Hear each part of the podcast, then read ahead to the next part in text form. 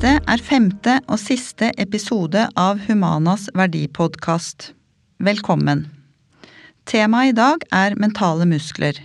Jeg, Lone Kuløy, har som vanlig med meg psykologspesialist Jan Martin Berge. Sammen skal vi finne ut hva mentale muskler er, og hvordan vi kan bruke disse. Ja, Jan Martin, nå har vi kommet til eh, episode fem av denne podkasten. Ehm, og vi har hatt eh, flotte samtaler og interessante samtaler. Eh, på, på slutten av forrige samtale så mm, snakka du om mentale muskler. Ehm, og at vi skulle snakke om det i siste episode. og nå har vi jo kommet hit. Ja. Ehm, hva er mentale muskler, eh, og hvordan kan vi bygge dem for å øke arbeidsgleden? Ja. Mentale muskler, Lone, det, det, altså det er min kommersielle tittel på, på, det som handler om resiliens. Resiliens høres litt sånn tungt ut, så jeg tenkte ja, jeg brukte hele høst. Ja, for det var et ja. ord som var litt eh, ukjent. Ikke sant? Ja. Så, eh, fordi mentale muskler handler om robusthet mentale muskler handler om en mental kapasitet. Mm. På amerikansk snakker om grit eller hardiness. altså Det finnes mange måter å si det på, men mentale muskler handler om om å kunne bygge, eh, bygge en mental eh, muskel som eh, kan tåle å stå i det vi står i. da. Mm. Og Da leste jeg en artikkel fra USA som handler om sånn, hvordan kan resiliens eller mentale muskler bygges. da.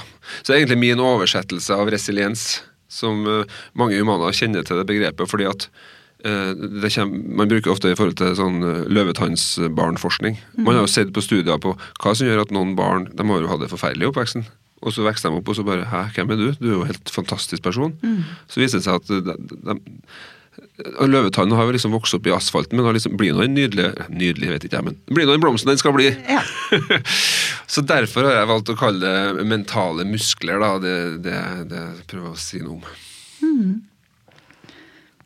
Men øh, hvordan bygger vi de her mentale musklene? Ja, det som er litt kult å si noe om der, er at uh, du kan gjerne lese doktorgradsavhandling om uh, resiliens, og du må gjerne lese om uh, resiliency, eller men, men, det å lese om det, det er litt sånn teoretisk. Husker vi snakka om reptilhjern? Ja. Windows 95. Ja. Hvis du er redd for å ta heis, så kan jeg og du snakke om det i årevis mm. på mitt kontor. Men til syvende og sist så må vi til den heisen, jeg og du. Ja. Ja. Og da får du liksom kjørt deg litt, og så etter hvert så blir du friskere, for du kommer til å ha mindre angst. Så live erfaring, det hører reptilhjernen på. Og det er litt det samme med den muskelen her. Den må bygges med live erfaring. Og, byg, øh, så, og det jeg ønsker er jo ikke sånn at man skal tenke positivt. Sånn. Det handler ikke om det. Det handler om at vi skal sammen klare å få til en slags mild form for optimisme. Mm. Ja. Sammen skal vi klare det her, og jeg skal klare det her. For god mental helse handler om å kunne tåle å gi slipp. Tåle betyr f.eks. tåle negative følelser. Jeg tåler å kjenne at jeg skammer meg litt. Jeg tåler å kjenne at jeg er litt sint. Jeg tåler å kjenne at jeg er usikker. Um, jeg tåler å leve selv om jeg ikke vet om jeg får lov til å gå på konsert. Mm. Tåler. Det andre gi slipp. For meg gir det så mening, men jeg skjønner at jeg må prøve å eksemplifisere litt. Det handler om å ikke bli sittende fast. Jeg skal gjenta litt hva jeg mener med det. og Hvis jeg får lov til å bygge opp hvis jeg skal si fire ting da, som bygger resiliens, altså fire elementer som bygger mentale eh, muskler. Tilhørighet. Viktig ord. Som jeg også tror har vært litt, forhåpentligvis litt sånn rød tråd gjennom disse episodene. At vi har snakka noe om eh, medarbeiderskap, vi har snakka om ledelse i Humana, men at det er et fellesskap her vi er ute etter å prøve å styrke. Når du blir født inn i verden, sier Albert Camus, filosofi, han sier at når du blir født inn i verden, når du blir kasta ut i verden, så blir du egentlig kasta ut i verden, og livet er egentlig en reise mot avgrunnen. Døden. Det blir sånn tungt her nå, men, ja. Eh, men han har jo rett på et vis. Så du blir kasta ut i, i, i, verden, og du er egentlig livet en reise mot døden. Og da sier Albert Camus at da er det bare én ting å gjøre, og det er å rekke ut hånda til andre mennesker. Mm. Og, og eh, Per Fugelli var flink å minne oss på det her. Ja, Vær et ett-tall på jorda. Prøv å gjøre så godt du kan. Lev livet ditt og prøv å bruke ressursene dine. Vær et ett-tall. Prøv å aktualisere deg, få til det du vil. Prøv å få til det beste du kan. Gjør det. Men ikke glem at du er en del av et fastland. Ta vare på flokken din. Hvordan sørger ansatte og ledere i Humana nå for å, å gjøre at folk føler at de er en del av et fellesskap? Det kan være med på å bygge mentale muskler. Nummer to. Kjør mindre grublebuss. Har du kjørt grublebussen? Grublebuss, det var jo et eh, snedig begrep. Fortell. Ja, noen har jo abonnement på den bussen. Du ser for deg et skilt. Ja. Den går ikke til verken Fredrikstad eller Kristiansand. Lone. Gjør den ikke Nei, den gjør ikke det. Den kjører bare rundkjøringa. Skjønner du? Ja, Og der kjører vi, svimmel. Ja, ja, nettopp. Og husker du hva jeg sa om god psykisk helse? Det handler om å gi slipp. Ja. Altså, Hvordan kan du komme deg av? Så nummer to er sunn mental tankegang. Det handler om når du har det bra, så tenker du på alt mulig. Du sitter ikke fast på én tanke som du driver og kjører grublebuss med. Så å komme seg av, det er ett eksempel. da. Mm. Og, og de som er gode på det, her, de sier til seg selv ja, nå grubler jeg, men jeg prøver å komme av her nå. Jeg tar det i morgen. Jeg skal snakke med en kollega i morgen. Snakke med Hans Henrik i morgen, f.eks. Mm. En annen måte å gjøre det, altså planlegging, istedenfor å tenke så mye. liksom, jeg planlegger det. Det er også noen som bruker det veldig aktivt. Det kan være med på sunn mental tankegang. Et annet eksempel var jo fra det vi snakka om på forrige episoden, om raushet. Altså, jeg tenker, Kanskje nå er tida å være litt sånn raus. Ikke være så jævla streng med meg sjøl. Vi trenger å være litt rause med oss sjøl nå. Ok, Så da har vi tilhørighet, og så har vi mindre grublebuss, altså sunn mental tankegang. Nummer tre, ikke noe hokus pokus, men jeg jobber jo som kliniker, altså terapi. Jeg og du og voksne, vanlige, oppegående folk, når vi begynner å slite, når toleransevinduet vårt blir litt smalt, da slutter vi å gjøre ting som er bra for oss. Min jobb her er å si det er ikke nå i mars 2021 at du skal slutte å gjøre ting du vet er bra for deg. Nei. Klarer du å få til to og en halv time i uka med litt sånn aktivitet, eller kanskje du er der at du sitter inne i leiligheten din på dagevis, ok, hva skal til for at du, du må ut og røre deg litt? Du blir ikke lykkelig av det, men det hindrer deg fra å bli deprimert. Så i- det er det jeg ser, nemlig at vi slutter å gjøre ting som er bra for oss, og det må vi ikke må. Jeg er veldig lite fan av sånn moralisme, men det er veldig uheldig å ikke fortsette å gjøre disse tingene. da. Ja. Velvære heter den tredje dimensjonen. Ok, og nå, nå ble det mye mer, da. Men fjerde punktet. Eh, Det handler om mening. Og det syns jeg er så fint, for jeg, men, dere har jo all, alt ligger jo til rette for at det å jobbe med noe meningsfylt fra et på en bedriftsnivå, liksom, ut mot kunder, gjøre en forskjell i menneskers liv, det er mening. Um, jeg har eh, 50 mil herfra så har jeg ting som er veldig veldig vanskelig å forholde meg til.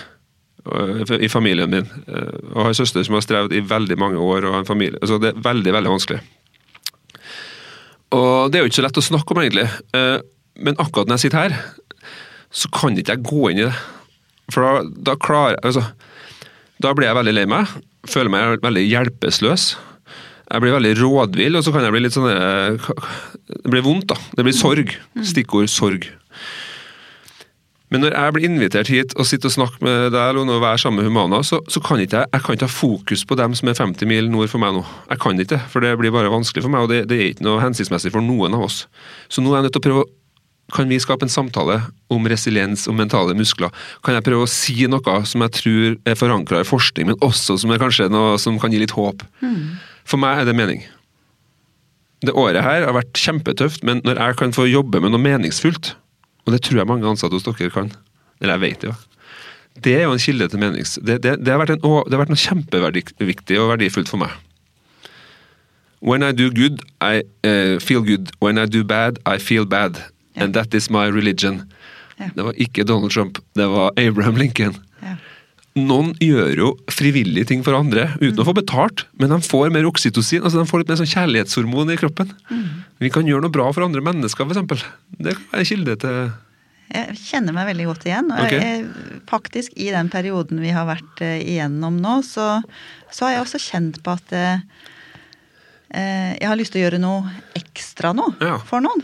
Um, og det er litt av, litt av det du snakker om nå, da. Mm. At um, det å gjøre noe som er meningsfylt for uh, både andre og en sjøl. Jeg tror tida er over, altså Det er viktig å minne oss selv på. At vi kan, og det kan vi jo Alle av oss har jo mulighet til det. Ja. I det store og det små. Ja. Og Og det er jo som du sier at eh, i eh, Humana så gjør vi jo noe meningsfylt eh, hele tiden. mm, og vi jobber hele tiden for å hjelpe fler. Ja. vi har en felles visjon om at alle har rett til et godt liv. ja. Og det er jo klart det, det, står høyt for oss med den fellesvisjonen ja. til vanlig.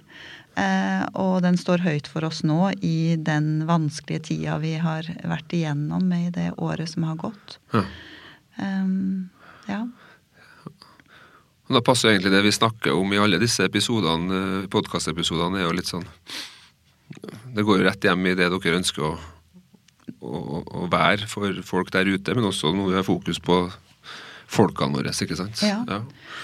Mm, viktig. Eh, og de her mentale musklene da, som du snakker om eh, Jeg tenker at dem eh, er kjempeviktig for eh, våre medarbeidere som jobber ute i avdelingene våre mm. Eh, og i virksomheten. og som vi har snakka om tidligere, mange av dem jobber jo også alene mm. med mye tøft. Mm. og ja, hvordan hvordan kan de liksom klare oss å ta i bruk de her mentale musklene? Altså, hvordan kan vi, hvordan kan vi hjelpe dem? Hvordan kan du eh, gi oss enda mer kjøtt på beinet da, i forhold til eh, de mm. fire eh, temaene som du har nevnt her? Nei, Det er nok sånn at de må komme rundt til alle avdelingene og holde foredrag. Nei, nå blir jeg som foredrag, salgsperson kommer frem. Ja. Nei, nei, det, det, det, det, nei, men hvis vi, skal, vi kan koke det til noe som folk kan ta med seg ut her, da. Ja. Man har gjort studier på at uh, når folk slutter å røyke, så har det stor effekt på hjerte-karsykdom. Det er common sense. Alle vet det. Nå lever vi lenger, for alle slutter å røyke nesten. Og så har man gjort studier på dem som har sosial støtte på jobb. Og så har man sett en gruppe som har det, og dem som ikke har det. Så viser det seg at effekten, altså man ser på effekter i forskning, den effekten på kollegastøtte den er større enn den effekten man ser hos folk som slutter å røyke den er større enn inaktivitet. Altså du, Hvis du har vært inaktiv i 20 år og begynner å røre deg litt, så får du kjempeeffekt. Eh, den effekten av sosial støtte på jobb den er større enn dem som slutter å røyke. Eller dem som har slutta å være inaktive. Det sier noe forskningsmessig om hvor utrolig viktig det er av sosial støtte. Slik at jeg tenker, Gode kollegaer de er vitaminer for hverandre. Og vi kan måle på hverandres immunsystem. Og for dem som tenker at de skal gå av med pensjon en gang, så bare vit følgende. Den effekten varer også etter du er pensjonist. Så Driv solopraksis, jobb for deg sjøl, men vit at det er risikosport for din egen helse mm. og dine ansatte og dine kollegers helse. Hvordan man kan være tilgjengelig for hverandre. Jeg tipper at noen av deres ansatte har grupper på Snapchat. Jeg tipper at noen er med på Messenger. Noen er kanskje på Tinder, for alt jeg vet. Altså, mm. hvor folk, Det er ikke så farlig, men bare at vi må være tilgjengelige for hverandre. Det handler jo mye om det jeg snakka om, du òg. Vi har snakka om hvor, hvor, viktig det er med de menneskelige behovene vi har. Mm. Selv om det er koronatid, og ja, mange jobber selvstendig, så er det ikke dermed sagt at vi ikke har disse behovene for nærhet, bli sett, anerkjent, medbestemmelse, mm. autonomi, å få noen valg i måten man gjør det på det å bli sett, ikke sant, noen gjentok det, er tydeligvis ekstra viktig. Så, så, så, jeg tror liksom det med at gode kollegaer er vitaminer for andre, også når det er krevende, vanskelige tider, mm. det kan være med på å gjøre en forskjell i, i alles liv, rett og slett. Ja. Mm. Så Det er litt sånn fint å kunne si. Det her er ikke ting jeg har funnet på. altså. Det er massiv forskning som sier det. Ja. Og det har ikke forsvunnet selv om vi har hatt korona nå et år det behovet for, eh, for, sosial kontakt. Vi merker jo det. Det blir jo enda mer Politiet må jo ta bort folk som har lyst til å feste sammen. Mm. Det er sterke krefter i sving der ute. Folk eh, ja, Kanskje får en helt sånn ny generasjon med sånn korona... mm. Koronabarn. Vi får se. Hvor, eh, hvor, viktig er det at lederne er oppmerksom på de her mentale musklene? Jeg tenker at gode ledere, de er ikke så redde. Så jeg tenker Du trenger ikke å være ekspert på resiliens, du trenger ikke å være ekspert på, på, mentale muskler, men hvis du er litt sånn psykologisk minded, det betyr hvis du tenker litt sånn hvordan har folk det nå? Hvor er folk hen i livet sitt? Bor han alene? Er nettopp skilt? Han har vært mye på jobb i siste. Han har sagt ja til alle ekstravakter. Kanskje man gjør lurt i å tørre å snakke litt med de ansatte hvordan det er. Mm. Ikke være så redd for det. Men Du trenger ikke å løse alle problemene til folk, men det å være tilgjengelig for dem, det gjør en, det gjør en forskjell for de ansatte. Så, så, gode ledere er litt sånn trygge på at de tør å snakke om disse tingene. Mm. tror jeg. Tør å gå inn og, og, høre litt hvordan det går. Uh, det vil gjøre en forskjell for folk, for da føler folk at de ikke er alene, mm. selv om de jobber selvstendig. Ikke sant. Um, jeg kan jo kjenne meg litt igjen i den derre grublebussen din, da. Ja. og um, det er helt sikkert eh, mange som, med meg som, eh, som, setter seg på den bussen innimellom. Og hvis jeg da ikke klarer å gå av den bussen, mm. hvordan kan jeg få hjelp til det? Og hvordan kan jeg um, hvordan kan jeg bli sett i, i den rundkjøringa? Ja, jeg vil tipse deg til å prøve å, å, å, å, gå inn for å prøve å komme deg litt mer av, og da må du identifisere når du er der. da. Mm. Så prøv å komme deg av ved at du prøver for å ha en bok der du skriver ned ting som du bekymrer deg for. Eller kanskje du skal begynne å øve deg på å utsette. Hvis du hver gang du legger deg, ligger og kjører grublebuss, kanskje du skal si til deg sjøl hver dag klokka fire på dagen, da skal jeg gruble i fem minutter. Det viser seg at noen har effekt av det, for da kan du si det til deg selv når du ligger der. Viktig, dette må jeg ta opp i morgen klokka fire. Fire til fem og fire, da har jeg grubletid. Ja. Ja, Gjør du det, så er det større sjanse for at du får plassert det. Vi må finne noen måter Men hvis du ikke, vi må finne noen måter der du kan finne en strategi som funker for deg. Mm. Men hvis det ikke funker av disse teknikkene, så tenker jeg For meg, for eksempel, som når jeg kjører grublebuss, så hjelper det å snakke med noen jeg stoler på.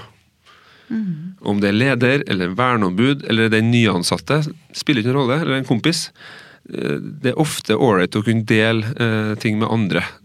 Og Det er ikke dermed sagt at vi ønsker at alle andre skal løse ting for oss, men det er noe med at sammen med andre så blir, eh, blir det mindre trykk. da, Og det mm. blir større forhold i, i toleransevinduet når du får delt ting med andre. Det er min mm. erfaring. Og da er det jo viktig både det her med å, å dele med en kollega sånn i jobbsammenheng, da, og også eh, dele med en, eh, en, Eller dele med lederen din. Ja. Eh, men også kanskje det her som vi snakka om tidligere med, med både kanskje verneombud og tillitsvalgt. Altså er det ting som kan, er vanskelig, eh, og som eh, eh, kan være vanskelig å snakke med lederne om eller en kollega, så har man også noen muligheter der. Og det var det som det koker ned til at vi to prøver å si på forskjellige måter nå, at bare ikke bli sittende alene med det. Nei. Men du må finne ut litt hvem er det du kan, hvem har du på laget ditt. Ja. Og Ideelt sett så er det både verneombud og leder, men ja. i praksis er det ikke alltid sånn. Nei. Men det er ikke dermed sagt at du ikke skal snakke med noen om det for det om. Nei. Da må du finne noen annen du kan snakke med, og det er jeg sikker på fins i, i Humana.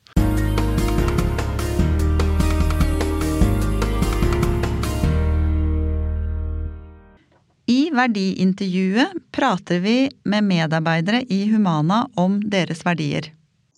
Ja, jeg heter Susanna Petricic. Jeg jobber jo som konturmedarbeider i Humana Kristiansand. Eh, jeg har ansvar for turnus, ansettelser og følger opp eh, litt i sykefravær og ja. Hva mener du er det aller viktigste for å ivareta et støttende arbeidsmiljø? Jeg tenker jo støttende arbeidsmiljø bygges på tillit. Så det vil si tillitbasert ledelse vil gi trygghet og tillit til de ansatte, sånn at de føler at kulturen bygges på på gjensidig tillit, og at uh, ansatte blir ivaretatt og føler at de har støttende arbeidsmiljø. Men uh, det krever jo egentlig en uh, samarbeid som sier at kollegaer må stille opp for hverandre. De må kunne steppe inn for hverandre. De må kunne vise forståelse for arbeidsdagen i samarbeid med ledelsen. I tillegg er det jo også veldig viktig at vi har mangfold på arbeidsplassen. Dvs. Si at vi har flere kompetanser, sånn at vi har mulighet til å støtte oss på hverandre. Uh, jeg har jobba lenge i, med min bakgrunn i Kristiansand kommune, så har jeg jobba lenge med arbeidsmiljøet. Og det som jeg syns er veldig fint å bruke ordet som er lett å huske, dvs. Si tips. Og det betyr at tilhørighet, inkludering, profesjonalitet og samarbeid. Og jeg tror det ordet sier mye egentlig i forhold til det å ha en støttende arbeidsmiljø og fungerende arbeidsmiljø hvor alle trives. Fortell meg om en gang en kollega stilte opp for deg. Det som jeg må si er jo da at det skjer jo flere ganger. Og her i Kristiansand, på kontoret i Kristiansand så har vi en kultur hvor vi stiller opp for hverandre. Vi prøver å se hvor, uh, hvor skoen trykker, holdt på å si, og, og, prøver å tilby hjelp til hverandre. Så, så jeg tenker jo uh, at det skjer nesten daglig. Fra små ting om å Ja, nå ser jeg du har mye å gjøre, så jeg har jo ordna turnus og funnet folk, til det å bare komme med en kopp kaffe på kontoret og, og si ja, nå er det jo fem minutter, nå tar vi den kaffekoppen. Så, så jeg føler at det, det, gjør vi rett og slett daglig uh, her i Kristiansand. Hva gjør du for å motivere deg? Jeg minner meg på viktigheten av den jobben vi utfører. Hva slags jobb vi har. Uh, hva gjør vi for samfunnet? Hvilke forandringer har vi mulighet til å oppnå med den uh, jobben vi gjør? og det gir meg stor motivasjon. Det som jeg da er uh, veldig heldig, er jo at jeg har jo jobb som er veldig varierende. Jeg har jo kontakt både med ansatte og ungdommer og avdelingsledere, så, så det syns jeg er veldig spennende. Det, det, gir meg stor motivasjon, fordi å ha den påvirkningsmulighet uh, gjør at jeg føler meg kjempemotivert. Men også når det gjelder, uh, når det gjelder resultater. Når man ser at man uh, oppnår resultater i den jobben man utfører, så blir man enda mer motivert. Fortell om en gang du ble skikkelig glad på jobben. Ja, jeg kan trekke fram egentlig det siste tilsynet fra Arbeidstilsynet vi har hatt i Kristiansand. Og da har jeg inntatt rollen som hovedverneombud i Humana. Og gå gjennom alle de intervjuene og alt dette, det var ganske omfattende. Uh, og når resultatene kom, hvor egentlig det sto at det var kanskje to forbedringspunkt, men ingenting annet. Og alt var jo så, var jo så bra. og de var så fornøyde med de intervjuene de har hatt med oss, så følte jeg at jeg ble veldig, veldig glad. Fordi jeg tenker jo det å ivareta HMS og få noen utenfra for å bekrefte at vi jobber riktig, og at vi jobber med det å ivareta HMS for uh, de ansatte, eh, gjør at jeg blir kjempeglad og vil bidra enda mer på det punktet.